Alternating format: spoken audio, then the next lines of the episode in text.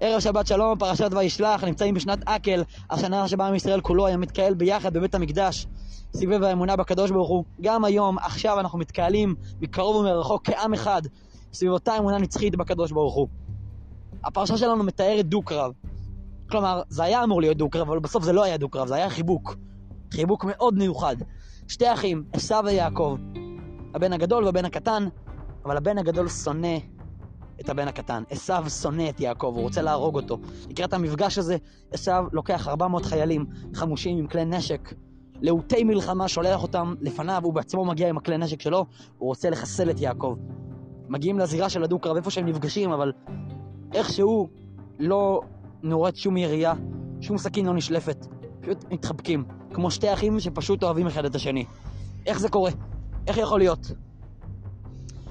הרב דוד גרוסמן, רבה של מגדל העמק ומייסד מוסדות מגדלור, מוסדות חינוך לנוער במצוקה.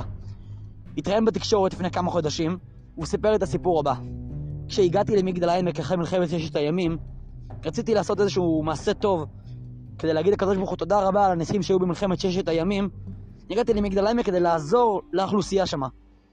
הייתי הולך לדיסקוטקים איפה שנמצא הנוער הנושר והייתי בקשר איתם. ואז אחד הילדים אומר לי שיש לו אח בכלא.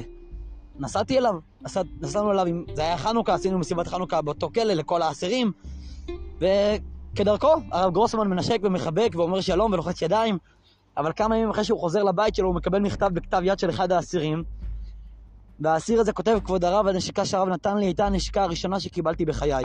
מעולם לא קיבלתי נשיקה. ואז הרב גרוסמן מספר על השדרנית, שגם היא מתחילה לבכות. הילד הזה גדל בבית שלא באשמתו, היה בית לא פשוט, זה מה שגלגל אותו לעולם הפשע. אבל שימי לב מה הוא כותב לי, לא קיבל נשיקה מימיו. אם הילד הזה היה אולי מקבל אהבה בגיל יותר צעיר, אז הוא לא היה צריך למצוא את עצמו בעולם של פשע. אם רק היינו נותנים לו אהבה, אם רק אנחנו ניתן אהבה לאנשים סביבנו, אולי הרבה, הרבה בעיות שלהם ייפתרו. את הנקודה הזאת שהרב דוד גרוסמן אמר, אפשר למצוא גם בהתנהלות של יעקב. יעקב עושה גם את, את, את אותה נקודה של למצוא בעשו את הטוב, אבל הוא גם עושה הרבה לפני כן משהו שמגן על עצמו. כלומר, כשיעקב מגיע לפגישה עם עשו, הוא רוצה באמת להאמין שעשו, אף על פי שהוא כרגע כועס ושונא אותו, הוא בעצם בן אדם טוב. הוא בעצם בן אדם שאולי קצת עצבני, צריך להבין על מה. אבל, אבל עם זאת שהוא רוצה להבין שעשו בן אדם טוב, הוא לא מסכן את החיים שלו ולא של המשפחה שלו ולא חיים של אף אחד. יעקב לוקח איתו כלי נשק, יעקב מכין את הסכין שלו למלחמה, יעקב יודע, אני אגיע לעשו ואני אנסה לדבר איתו בצורה טובה. אבל אם עשו ינסה להרוג אותי או את המשפחה שלי או מישהו שמה, אני אצטרך להרוג את עשו. כי הבא להורגך השכם להורגו, אני לא משחק בחיים שלי. אני לא יכול לסכן את עצמי בשביל להיות טוב כלפי מישהו אחר. אבל אחרי שיעקב מגן על עצמו ומכין כלי נשק ומתכונן לאופציה שאולי הוא יצטרך להרוג את עשו, הוא לא יסכן את החיים שלו, אחרי זה הוא עושה משהו מדהים. הרי למה עשו כל כך שונא את יעקב? כשהם נולדו, עשו באמת נולד הבן הבכור, ויעקב היה בן השני. אחרי כמה שנים עשו ויעקב עשו דיל, איזושהי עסקה, שבה עשו מוותר על הבכורה שלו, הוא לא הבן הבכור יותר, ברמה הרשמית. עשו נתן את הבכורה שלו ליעקב. יעקב עכשיו נחשב הבן הבכור. מגיע השלב שבו יצחק, אבא שלהם, רוצה לברך את הבן הבכור בברכות מיוחדות רק לבן הבכור, ויעקב מקבל את הברכות בצדק, כי הוא הבן הבכור. אבל עשו לא, לא מעניין אותו העסקה הזאת, הוא פשוט נפגע. הוא יודע שהיה אמור להיות לו ברכות שלו, מיוחדות בשבילו, והנה פתאום עכשיו מגיע אח שלו, שבעיניו הוא האח הקטן שלו, ולוקח לו את הברכות. עשו כל כך שונא את יעקב על הביזיון הזה, שלקחו לו את הברכות, שלכן הוא רוצה להרוג את יעקב.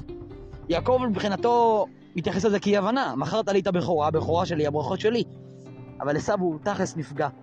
עשו סוחבת על הכתפיים שלו, וזה מכעיס אותו וגורם לו זעם, עד כדי כך שהוא רוצה להרוג את יעקב. כשיעקב פוגש אותו, הפרשה מספרת, יעקב, לפני שהוא מוציא את הסכין ופותח במלחמה, קודם כל קורע ברך, הוא משתחווה, הוא מנסה להעביר לעשו מסר, עשו, אני מכבד אותך, אתה חושב שאני מזלזל בך, אני לא, אני אוהב אותך.